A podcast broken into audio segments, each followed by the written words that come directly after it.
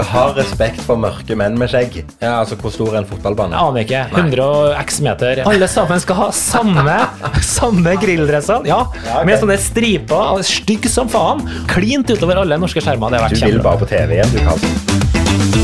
Hjertelig velkommen skal du være tilbake til nok en episode av Kevin og Carlsen podcast. Og i dag, Carlsen, så er det litt spesielt. For vi sitter faktisk på samme plass for første gang. Tenk at vi måtte spille inn fire episoder av denne podcasten før vi satte oss ned på samme rommet. Det er faktisk helt sant. Nå er vi hjemme i min lille magiske podkastbule. Og her sitter vi begge to. Eh, Godt og varmt, eh, godt og trangt. Og eh, Godt og varmt er jo egentlig bare en eh, liten underdrivelse, for her er jeg sikker på at akkurat nå så er det 152 grader. Det er rett før jeg kler av meg. Det var som jeg sa sist, det er forferdelig varmt inne her. Her står sola og steker hele dagen, og nå har det jo tross alt vært eh, 30-40 grader hver dag her, så det, det, det, det her skal bli eh, utholdende. Ja, men det er jo gøy. altså Dette, dette kjenner jeg at jeg har, jeg har gleda meg til det. For nå har, vi, nå har vi spilt inn som sagt fire episoder av denne podkasten der vi har sittet på hver vår kant av landet. Og endelig så er vi samla. Og førsteinntrykket er at dette er egentlig litt rart. Ja, det er faktisk litt rart. Det er jo sånn egentlig podkast skal være. Og nå sitter vi her på femte episode og syntes at det her var jævlig snålt. Eh, Men, eh, men vi får sett hverandre i ansiktet, og vi får stryke litt på skjegg og bart. Og nei, det, her, det her blir kjempekoselig. Det, er Ja, det, det, det kan kun gå godt. For, den, for den rutinerte lytteren som hører på, så, så vil jeg jo tro at de fleste har innsett at dette er jo ikke akkurat live og direkte. Så det er jo ikke så lenge siden vi, vi spilte inn forrige episode, og så sitter vi her og spiller inn neste episode. Men eh, det har gått en liten stund siden sist. Hva har skjedd hos deg siden sist? Jeg må snakke om den Audi-appen igjen, altså. Det... Jeg sa jo sist at jeg hadde vel egentlig gitt opp igjen og skulle inn og har meldt det her på support igjen, og det, nå er det fram og tilbake, og de svarene får jo bare helt håpløse. Og plutselig en dag her så funker det igjen, og så funker det ikke. Og det, det her forresten minte meg om Jeg vet ikke om du har hørt den svenske vitsen, Kevin, men eh, du vet om det er to svenskene som var ute og kjørte bil, og så eh, skal han gå ut og sjekke om blinklyset funker. Nei. Og så går han ene svensken ut, og så skal han si fra da om blinklyset funker, så sier han 'funkar', 'funkar inte', 'funkar', 'funkar inte'. Og det, det, det er liksom akkurat sånn oppføles, eh, føles denne appen nå. Den funker annenhver dag. Og så hadde vi en morsom test i går, Kevin. Vi tok og filma. Ja, det var gøy.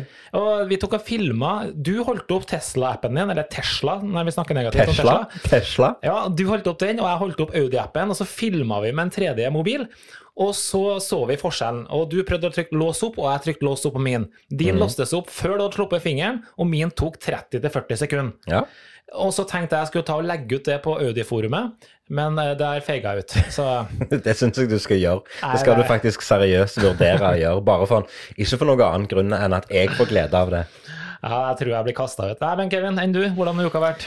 Nei, uka Det er jo eh, som sagt, det er jo ikke så lenge siden jeg snakket med deg sist. Så det eneste som har skjedd siden sist vi snakket sammen, det er at jeg har uh, satt meg på et fly for første gang på tre måneder. Bare det var jo skummelt i seg sjøl, for å komme bort hit. Alinn, min samboer, skulle på jobb uh, her i Oslo, og vi, det vet jo du allerede, men vi fant jo ut at uh, da kan vi slå to fluer med samme smykke, og så kan jeg komme bort og besøke deg, og det gjorde gjelder. vi kan komme bort og besøke dere.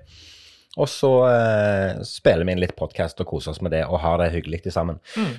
Der jeg skulle, det jeg skulle fram til, det var at eh, som sagt, det er tre måneder siden sist jeg satt på et fly.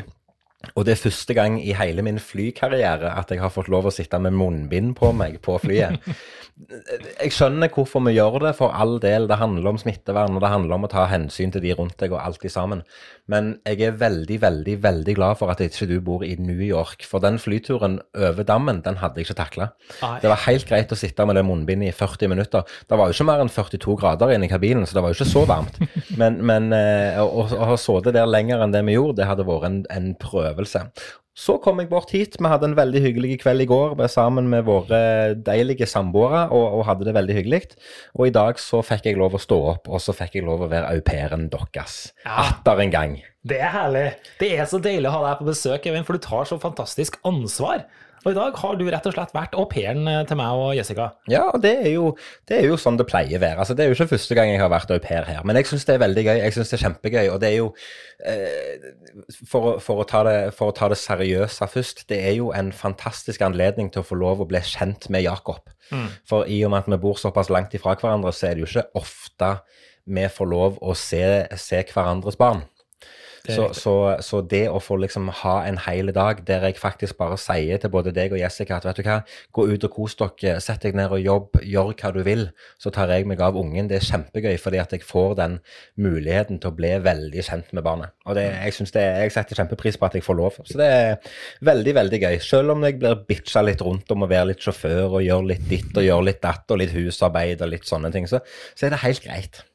Det er bra. Eh, Det skal jo sant sies at det første som møtte deg når du kom opp, var vel at eh, ungen ble livredd, men eh, Ja, men det, det, skjønner jeg, det skjønner jeg jo, og gutten er jo godt opplærte. Du skal ha respekt for mørke menn med skjegg. ja, det er helt riktig. Og Per, ikke minst. Jeg fikk jo massasje i dag òg, så jeg prøver å utnytte denne tjenesten så godt som mulig. Så Du prøver, ikke, du prøver ikke å utnytte den i det hele tatt. Du Nei. utnytter det i fulle drag. Men Det, du- du, du- sa til og med når jeg fikk låne bilen din tidligere i dag, så sa du at det trekker jeg fra lønna di. Altså, det, det er helt vilt hvordan jeg blir utnytta, men jeg elsker det. Men du, vi har jo egentlig hatt en ganske fin kveld i kveld òg, men jeg må bare si en ting, og jeg skal ikke gjøre noe mye ut av det her, men jeg anbefaler at dere som hører på, gjør noe ut av det, for jeg har opplevd en helt ny greie i kveld som Kevin har presentert meg for. Og jeg, jeg skal ikke si noe mer, men jeg vil bare anbefale våre lyttere, ta en tur på Facebook, og så søker dere opp Torbjørns danse- og rockeband. Det må jeg si, det, var, det made my evening. Jeg syns det er kult. Det er en fantastisk er greie. Søk opp Torbjørns danse- og rockeband og få en fantastisk opplevelse.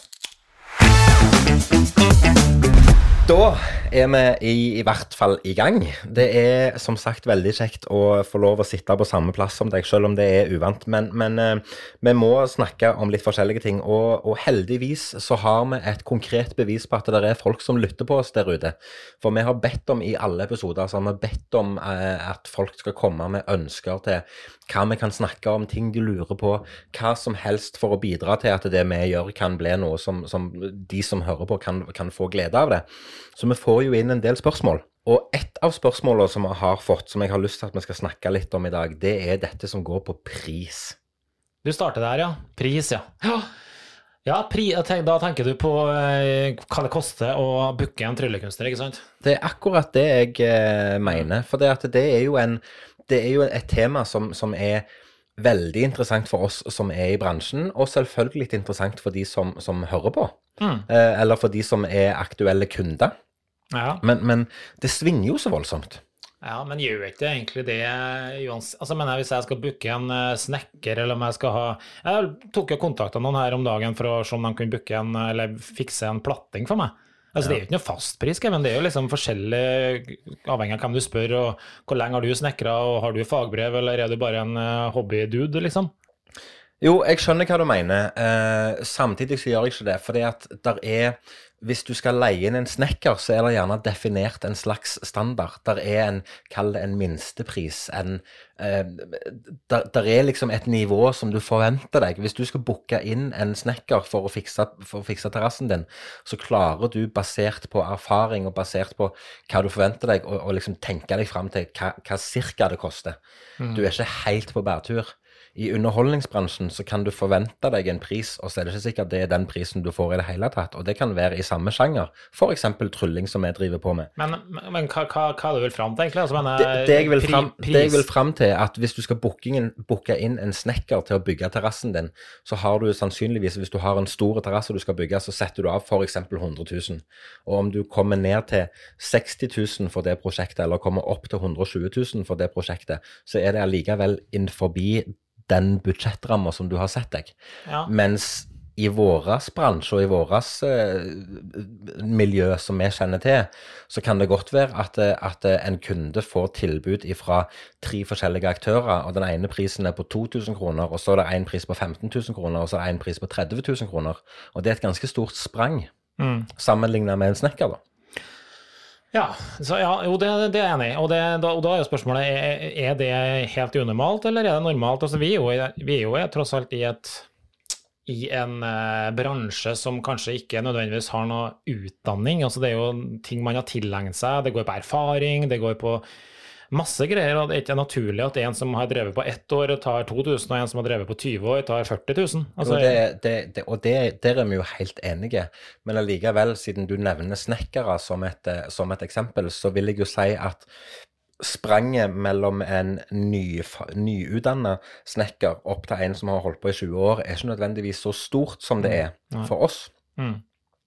Og nå, nå tror jeg ikke vi sitter på noe fasit eller noen ting sånn som det her, men, men eh, jeg skjønner at folk stiller spørsmål med det. Ja. Men så kan vi jo gå inn med videre. Hva er det som gjør at eh, underholdning koster penger? Og, og, og hva, er det, hva er det folk betaler for? Altså Jo, de betaler ikke bare for den halvtimen eller timen eller x antall minutter vi står på en scene. Det er jo, det er jo hele totalpakken med øving og forberedelser og planlegging og tilrettelegging og alt dette her. Ja, for det, det er jo det ofte vi hører. La oss si at du får sende et tilbud da, på en eh, jobb, og så sier du det her kommer til å koste 25 000. Og svaret du kan gjerne få da, det er sånn ja, det var bra timesbetalt. ja, det, Og, og det er jo sånn at gjerne veldig mange som ikke skjønner det her, de eh, baserer jo på sånn som du sier, tror at eh, det du tar betalt, det er bare for den halvtimen du står på scenen. Men så er det som du sier, det er jo så utrolig mye mer. Det er jo alle de dagene vi ikke står på scenen man egentlig kanskje betaler for. Man uh, står og jobber med manus, og det, man står og jobber med nye triks, og man ja, øver på alt det her som lar seg gjøre, og fremføre i løpet av denne halvtimen. Og det, det må også noen betale for, hvis vi skal greie å leve av det her. ja. Og, og, og der er jo uh, Igjen, der er jo vi dessverre ikke velsigna med, med et organ som tar tak i oss og setter en standard for bransjen eller noen ting. Der er, der er jo liksom ingen, der er jo ingen kontroll på dette. I utgangspunktet så gjør vi jo akkurat som vi vil. Hvis jeg har lyst til å si ut på markedet at min pris for en underholdning med Kevin er 1 milliard kroner, så kan jeg gjøre det uten at noen stopper meg. Jeg vet jo at jeg sannsynligvis ikke, ikke får noen jobber på å si at prisen min er en milliard, men, men der er liksom ingen det er ingen bransjestandard, det er ikke satt noe nivå eller en forventning eller noen ting. Og det gjør jo at, eh, at eh, folk ute som skal booke f.eks. trylling, eh, gjerne har et eh, ikke nødvendigvis galt, gal innstilling til hva det koster, men de har gjerne en, en innstilling i forhold til hva nivå artistene som de har hatt før, har lagt seg på. Mm. og, og det sier seg sjøl det, at hvis de har booka inn en artist som koster 100 000 kroner, fordi han eller hun har vært på TV og er kjendis, så, så, så sier det seg sjøl at de gjerne får paddesjokk hvis du sier at du skal ha 5000 kroner for det. Mm. Eller motsatt. Mm. Så, så det, det er jo sånn det er vanskelig å si dette her, men det er jo som du sier, hva er det vi tar betalt for? Det er jo ikke bare den halvtimen vi står på scenen, det er jo alt det andre. Og jeg husker veldig godt når jeg gikk fulltid med, med, med min jobb for x antall år siden, så fikk jeg et tips om det. Som skulle være hvordan skal du beregne lønna di? For det er jo i utgangspunktet det jeg gjør på forhånd. Jeg, bestemmer jo lønna mi på forhånd. Og det jeg skulle ta utgangspunkt i, det er hvor mange oppdrag har du lyst til å gjøre på et år? Sånn reelt. Hvor mange kan du gjøre, hvor mange har du lyst til å gjøre? Og så må du finne en, en sum med antall oppdrag som du er komfortabel med å gjøre som en fulltidsjobb. Og så må du jo finne, ok, basert på så mange oppdrag som du har, så må du tenke hvor mye penger må du ha for å overleve for å ha dette som en fulltidsjobb, og hvor mye har du lyst å ha realistisk sett? Altså, jeg har ikke lyst til å tjene en milliard kroner, for det vet jeg at jeg ikke klarer å tjene på trylling. Men, men hvor, hva, hva har jeg lyst å ha som en forventa årsinntekt på jobben min? Ja. Og da er det jo enkelt regnestykke. Eh, prisen som jeg har lyst til å tjene på et år, delt på antall oppdrag som jeg har lyst på å ha på et år, det er den prisen Kevin skal ha for å komme ut på en jobb. Og den prisen er ikke bare for den halvtimen han står på scenen, eller jeg står på scenen. Det er jo for de timene jeg har brukt på øving i alle år for å komme dit jeg er i dag, og alle de timene jeg bruker på øving og planlegging og tilrettelegging av akkurat det arrangementet jeg skal ut på. Og det er jo ikke det at vi nødvendigvis finner opp kruttet hver gang vi står på en scene, men det er allikevel litt jobb med det. Selv om det gjerne ikke er en 37,5 timers arbeidsuke jeg opererer med, så er det allikevel noen timer der. Og det er jo alle de tingene satt i sammen som gjør at honoraret blir sånn som det blir. Det er helt riktig. Eh, det er en ting som slo meg. Altså, la oss si at du La oss si at du gjør 50 oppdrag i året, da. Ja. Og så har du lyst til å tjene x antall kroner, og så finner du en pris. Ja, så skal du leve av det, og greit nok. Men eh, det kan også slå ut litt feil, for la oss si at du er en veldig aktiv artist og gjør 200 show i året. Ja. Så kan det slå ut på den, på den måten at eh, jo, men jeg er fornøyd med den lønna, årslønna, så da priser du deg ekstremt lavt. Og, og, og ved å prise deg ekstremt lavt, så kan du fort egentlig ødelegge for veldig mange andre, fordi kanskje i realiteten så er det du gjør verdt veldig mye mer penger eh, i forhold til bransjen for øvrig. da. Og Jo. ved å selge inn altfor billig, så gjør du deg både sjøl og alle andre i miljøet en liten bjørnetjeneste. Jo, men der er vi jo inne igjen på det som jeg sa i stad, med at vi ikke har et, et, organ som kontrollerer det eller styrer det. Og, og vi, har, vi, har, snakket om det tidligere, at, eh, at eh, vi, vi, sammenligner tryllemiljøet med standup-miljøet. Det er ikke nødvendigvis et fast styringsorgan som styrer standup-miljøet, men av en eller annen grunn så har det blitt lagt en slags standard på, på, prisnivået.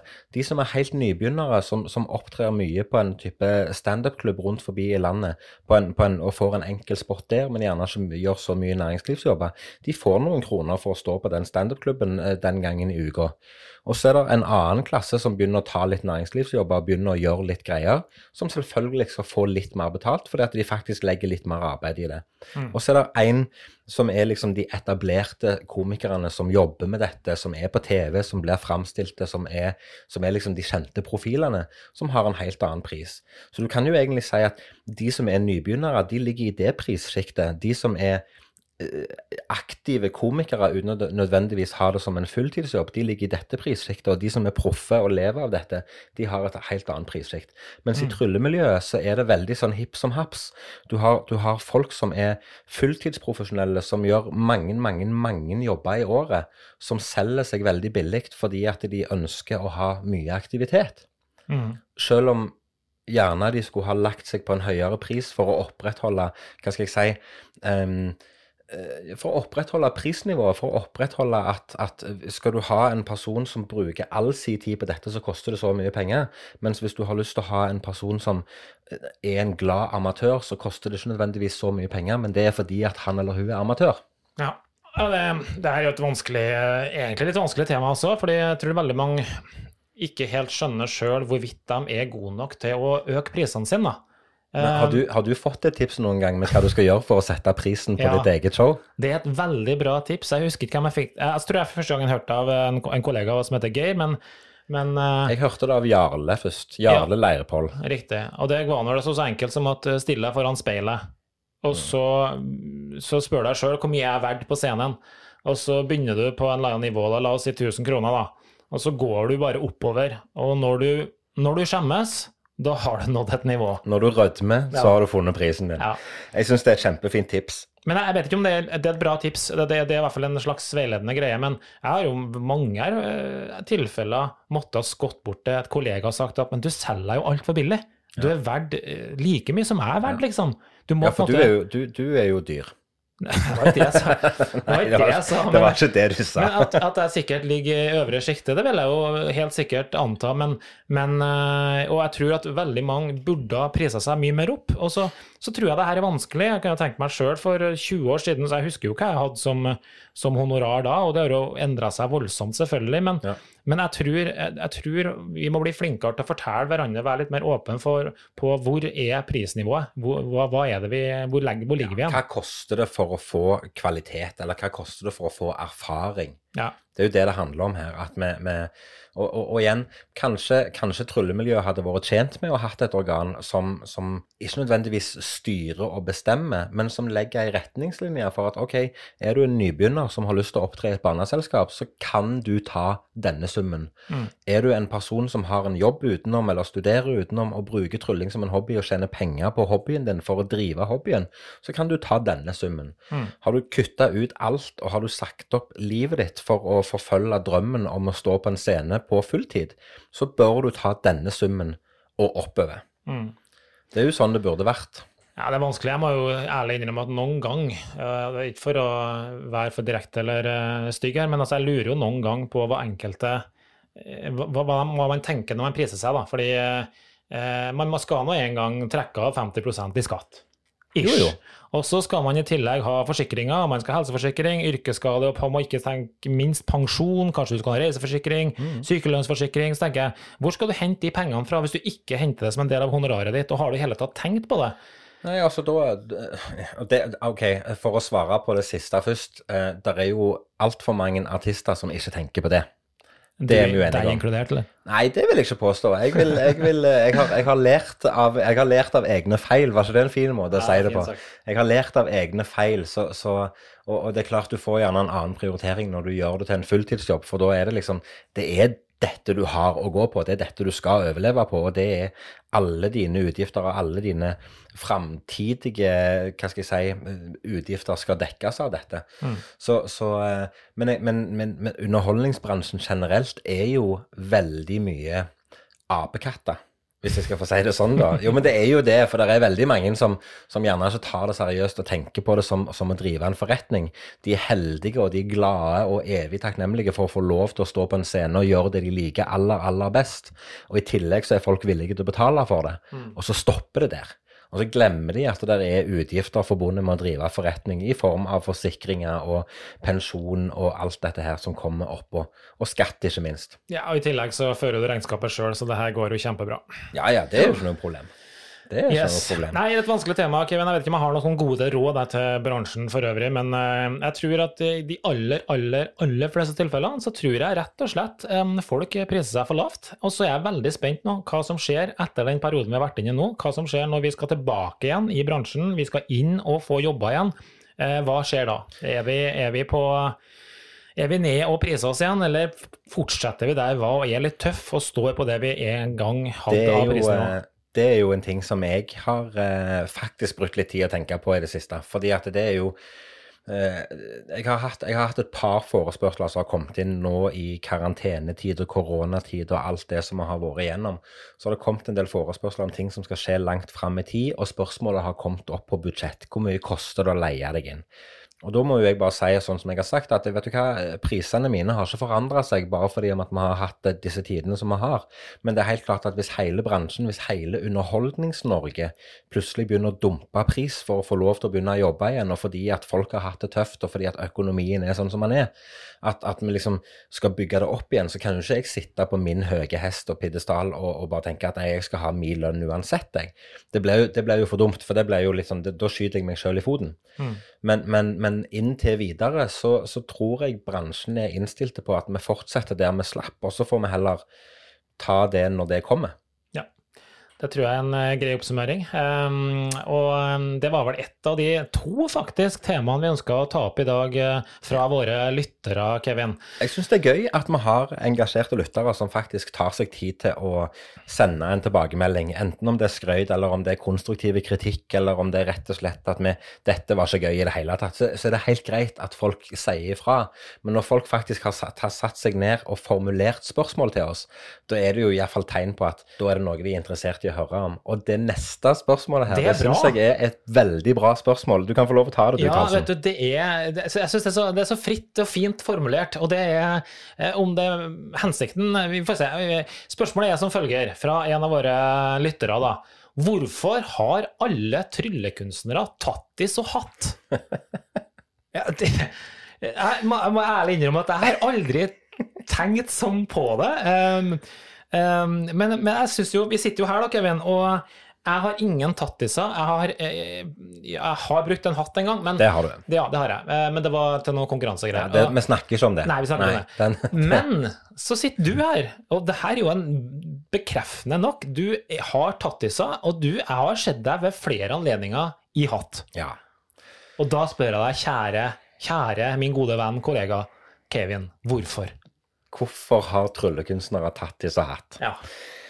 Jeg tror at spørsmålet som kommer her, er ikke bare spørsmål på konkret på hvorfor har tryllekunstnere tatoveringer og hatt, men jeg tror det handler om hva har skjedd med uttrykket tryllekunstner, eh, og, og den klassiske bildet av en tryllekunstner, eh, og hvorfor har vi kommet der vi har kommet i dag? De fleste som hører ordet tryllekunstner, iallfall på min dialekt, de tenker og ser for seg en person med kjole og hvitt og flosshatt og kaniner og tryllestaver. Mm. Og så er det nå en, en gang sånn at eh, vi, vi, vi er ikke på 1800-tallet lenger, vi er i 2020, og, og tida går videre, og alle bransjer og alle miljøer og alle fag har en slags utvikling. Eh, mange karakterer i vår bransje og i vårt miljø har gjort det stort og gjort det veldig kult med å tenke helt annerledes ifra det klassiske bildet av en tryllekunstner. Det var slutt på, på fjærblomster og silketørklær og trekke kaniner opp ifra flosshatten. Det skulle være litt mer rocka, det skulle være litt mer hypa, det skulle være litt mer eh, Hva skal jeg si litt mer, litt mer glam over det på en, på en, på en fin måte. Og, og, der er jo Chris Angel et kjempeeksempel, som tar alt det som er kult ifra en rockescene, med heftig musikk, og det er blod på scenen, og det er blits i taket, og det er ikke måte på mm. hvor mye det er. Og han er ei rockestjerne sjøl. Han kjører langt hår, han kjører, kjører, masse smykker og ringer og juggel på seg, og kjører tatoveringer, og gjør liksom den rockestjerna, og gjør den karakteren i et tryllemiljø. Mm. Og så tror jeg veldig mange har latt seg påvirke og inspirere av det. Og så er det som jeg sier, at miljøet er i stadig utvikling, og uttrykket trylling har en helt annen måte nå enn bare for 20 år siden. Det har endra seg. Og så er det gjerne sånn at det har blitt litt hva skal jeg si, trendy å identifisere seg med, med litt mer rocka, laidback holdning enn den klassiske, som òg for all del kan være veldig fint å se på. Ja, uh, morsomt at du sier det. altså Chris Angel har forresten ikke langt hår lenger, Kevin. Uh, han har kort hår. Men uh, det, samme det. men jeg, jeg, skjønner, jeg, skjønner, det her at man blir påvirka av sine kanskje forbilder, eller hva det skulle være. men det er jo litt iøynefallende. Jeg vil jo tro, også Hvis vi name-dropper en par til, da, som kanskje ikke vanlige lyttere kjenner til, men, men Chris Ramsey, Madison osv. De er jo fulle av tattiser på fingre og øyne og hals og nakke og hele kroppen. Jeg tror mm. ikke de nødvendigvis har blitt påvirka av Chris Angel. Jeg tror de har sin egen stil. Ja, det tror jeg absolutt, men jeg tror det handler om dette her en ønske om å formidle det du brenner for, på en annen måte enn det alle andre gjør, for å skille seg ut. Ja, ja. Og det, det, skaper, det, handler om å skape sin egen profil. Det, det er jo ikke noe tvil om, å skille, om å skille, seg ut. Ja, det handler om å skille seg ut. Og så tror jeg det er litt, jeg tror det er litt tilfeldig at de som har blitt lagt merke til, og de som har gjort det stort fra tryllemiljøet i, i, hele verden, holdt jeg på å si, de som har blitt kjent, jeg tror det er tilfeldig at alle de tilfeldigvis gjerne har tatovering og er litt rocka i stilen. Ja. Men det er gjerne det publikum har lyst til å se, da. Det er gjerne det uttrykket de kommer med som gjør at trylling blir interessant nok for den gemene hop. At det er sånn OK, han var litt rocka, han var litt laidback, han var litt kul. Han hadde litt attitude som, som gjorde at det han formidla av trylling, var tøft nok i utgangspunktet. Ja, Verdens mest rike, suksessrike tryllekunstner er jo Copperfield. Eh, du ser ikke mange tattiser der? nei, nei, men han har heller ikke den der klassiske stilen heller. Det er jo ja, veldig laidback når han er på scenen. Han har jo denne her svarte skjorta si som han har gått med i 15 år, ja. som, som, har vært det samme uttrykket hele tida. Det, det, har vært stilfullt, men casual. Han har tålt å liksom akseptere at det er greit, og du trenger ikke ha skjorta nede i buksa mm. når du står på scenen. Mm. Men så har du jo rake motsetningen da i Penn og Teller, som kanskje er de mest berømte tryllekunstnerne for tida, som er veldig aktuelle med, med sine ting. Som alltid er strigla i, i, vest og slips og Det er ikke måte på. Men de har jo tatoveringer, de òg. Pussig nok. Men de gjør ikke så veldig mye ut av det. Og det, det er ikke noe gærent å ha tatoveringer. Eh, jeg har det ikke, men jeg tør ikke å ta, så det er enkelt og greit.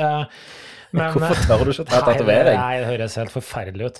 Men det er jo ikke vondt. Jo, det er jo det er, det er det er liksom godt vondt. Nei, det er ikke godt vondt. Du, du er bare sjuk i huet. Det er sånn det er. Takk for men, det. Men, men, eh, bra spørsmål. Men jeg tror ikke vi har sånn Jeg tror svaret handler om å skape seg karakter. Og så tror jeg vi vi har snakka om det her før også, copycats i miljøet. Vi er flinke til å kopiere hverandre. Eh, vi, er, vi lar oss inspirere, og vi lar oss påvirke. Og så er det Jeg tipper neste gang så kommer det en eller annen dude med rosa ballettskjørt eller noe sånt, og så skal alle sammen bruke det. Jeg syns det hadde vært kult jeg, hvis vi hadde fått en, en, en ny verdensstjerne i tryllinga som sto med, med ballettskjørt. Jeg husker ikke navnet på henne, men der er jo ei som står i ballettskjørt og gjør noen fantastiske manipulasjoner med oh, kropp. Yes. Det husker ikke jeg navnet på, men det er faktisk ufattelig kult. Det er kjempe, kjempegøy. Tar du utfordringa, Kevin? Jeg kan godt stille opp i en rosa tutu, jeg, hvis du har lyst til å se det. Nei. Det ble jo like grasiøst som når jeg sto og skulle ha trampolineshow for deg her på den nye trampolinen din. Ja, det, den droppa vi, for å si det sånn. jeg er glad det er ikke fins på film. Jeg tror vi kunne dratt den her kjempelangt, men jeg tror vi ruller, ruller av den der. Jeg tror vi oppsummerer med at det er, har med, med som sagt karakter å gjøre. også. forhåpentligvis så kommer det andre typer karakterer også etter hvert. Og så er det fortsatt like bra å være den man er. Har du lyst til å vite noe gøy? Noe gøy, ja. Jeg er klar. Jeg har lært noe nytt. Kult. For det jeg har lært Jeg har jo sagt dette mange ganger til deg før, at jeg, eh, jeg prøver å lære noe nytt hver dag. Og, og, vi har jo snakket om det før, at du driver jo med denne her snikslankinga av meg. Og så driver jeg med snikpålegginga av min egen vekt i disse tider. Det er jo det jeg har gjort. Jeg har spist god mat og drikke og hatt det veldig fint de siste tre månedene, og det er gøy. Forrige gang så fortalte jeg deg om, om hvor mye sjokolade de spiser i England osv. osv. Og, og jeg har en annen fun fact til deg i dag som er som følger. 12% av all den Coca-Colaen som blir drukket i USA, den blir tatt før frokost. Ja. Det er ganske mye, det. Altså, det er én av ti colabokser som blir drukket i USA, blir drukket Ja. før frokost. Ja, det, det, det, var, det faktisk det var, det, var, det var mye, da. Det var det. Det er ganske mye. Um, Det er litt sånn som det at du hadde tre Pepsi Max til middag i går. Det blir det samme. Ja, ja, det blir det. Bortsett fra at cola er mer usunt, da. Så Oh, er det det? ja, det, det er visst det. Å ja, for det er mengden sukker. OK, ja, greit, greit. greit. Yes. I give. I give. Vi, vi, vi skal snart over i et eh, nytt eh, tema, Kevin, men jeg har en fun fact, men eh, også en fin overgang til den. Um, og det er jeg vet ikke om Vi, Vi kjenner jo alle til det her med harryhandel, og det, det er litt det vi skal inn på etterpå. Mm. med, med harryhandel. Og så da tenkte jeg, hvorfor heter det harryhandel? Og, Ja. og det, det er litt så morsomt. Hvorfor harry? Og det, det viser seg faktisk at uh, det her kommer fra i Oslo. Da, så er det sånn at uh, man har gjerne eh, i, øv, eller i middelklassen da, så er veldig mange i Oslo som nå går vi en del år tilbake, som har kalt ungene sine for Harry. Og det kommer fra en situasjon som var i England, eh, hvor eh, også da eh, middelklassefolk kalte ofte statistisk sett da, ungene sine for Harry, mens hvis de var i overklassen, så kalte de mer sånn tradisjonelle navn som Sven, eller litt sånn finere navn. da. Rune, eller Og da ble det liksom det her harryhandel. Det er sånn eh, det henger sammen. da. Igjen, ikke veldig fun, men det er litt sånn morsomt å ta med seg inn i betraktning når vi nå skal snakke om det fantastiske temaet harryhandel. Og det Jeg skjønner, jeg skjønner jo at altså, du, du blir jo litt inhabil i dette. Fordi at det, dette er jo noe du gjør eh, så ofte som mulig, og helst hver helg hvis du får sjans, fordi at du har, du har din kjære svigerfamilie i Sverige. Mm. Og, og, og, men, men harryhandel for meg er jo akkurat sånn som det høres ut som. Selv om jeg har lært meg til å like det. For med tanke på at Alinn har familie her på Østlandet, så har det blitt flere turer her. Og, og eh, hjemme hos oss så lever vi glutenfritt pga. William med sin cøliaki, så det er helt i orden. Men vi har jo sett at det å kjøre over grensa og handle, handle glutenfritt, det, det svarer seg jo. Av en eller annen grunn så er det svindyrt med glutenfri mat i Norge. Ja. Men det svarer seg. Og, og så, så definisjonen på harryhandel som jeg opplevde i min ungdom, det er jo ikke det samme som jeg opplever i dag. Nei. Men der er allikevel én ting som er den ultimate harryhandelen av de alle. Yes. Og det, det, det her er bare helt fantastisk. Og jeg har, jeg har sagt det til samboeren min, at det her har jeg faktisk lyst til å gjøre. Fordi vi har sett TV-seriene, vi har sett og hørt historiene, og det vi snakker om selvfølgelig, Kevin, det er Ullared. Selvfølgelig snakker vi om Ullared. Og seriøst, det er noe av det kuleste, sjukeste, mest snåle greiene jeg har sett på TV. Hva er, det så, hva er det som gjør at det er så eh, forlokkende og attraktivt? Nei, men altså, det, det må oppleves. fordi eh, en ting er at På TV og sånn, så er det jo alltid sånn at man skaper TV, og det er alltid de her underlige profilene som blir dratt fram. Men hvis man ser på fakta bak Ullared, og det her er faktisk litt morsomt det Ullared starta i 1963, Kevin. Ja. Av en, eh, han må selvfølgelig hete Gøran Karlsson, som alle i Sverige heter. Og han, han fant det for godt at nå skal jeg her i Ullared bygge et varehus. Og hvis du vet hvor Ullared er hen, så høres det allerede ganske sjukt ut. Det er jo midt i ingenmannsland. Ja, Det er samme sjuke ideen som han som fant opp at han skulle bygge Las Vegas. Det er liksom Ja, midt ute i ørkenen, ingenting. Her skal vi bygge et varehus. Og det gjorde han. Og, det viser, eh, og jeg kikker litt på tall her, da. Der står det at 80 000 var det han omsatt for. Første året. De par første årene. 80 000 i året. 80 000. Ja. Og i dag så er det her varehuset på 35 000 kvadratmeter. Det er Altså, vi snakker seks fotballbaner, og uten at det sier deg veldig mye, så er det veldig svært, Kevin. Ja, altså hvor stor er en fotballbane? Jeg aner ikke. 100 og x meter lang. Langt. Altså, ja. jeg, altså, når vi ser det her på TV-en, så er det jo bare helt insane, for det er sånn omsetning der. Det, det er, folk går bananas, og det er billige priser og hele sulamitten, og det her er da midt ute i ingenting. Og det jeg kunne tenkt meg, som jeg foreslo da til til, til Jessica, det at vi samler, vi tar med dere, tar med familien, tar med oss bestemødre og svigers og alt mulig. Så drar vi til Ullared. Og det første vi gjør når vi kommer dit, det er at vi går inn på et eller annet nære senter der, og så går vi og kjøper oss sånne grilldresser.